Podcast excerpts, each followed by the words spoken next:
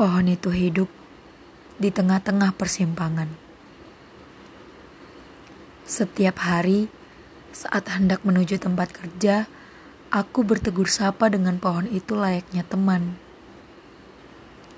Ia menatapku, lalu tersenyum. Setiap hari selalu begitu. Orang-orang yang menjumpainya pasti berubah riang.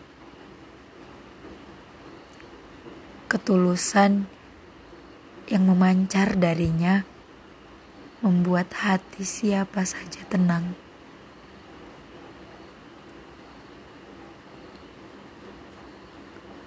Tapi pernah suatu kali aku tanpa sengaja menemukan pohon itu di tengah malam.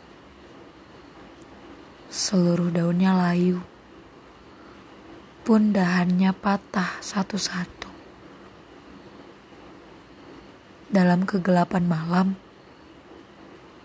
ia berduka sendiri tanpa ada yang tahu. Ia sendu, dan tak ada yang benar-benar sadar itu.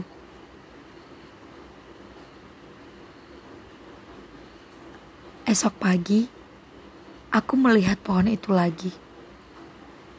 Aku menemukannya terlihat seperti biasa. Tatapannya dan senyumannya serupa. Duka semalam tak bersisa. Aku bingung. Tapi Aku tak dapat bertanya padanya. Seolah satu pertanyaan kecil itu akan meruntuhkan pertahanannya.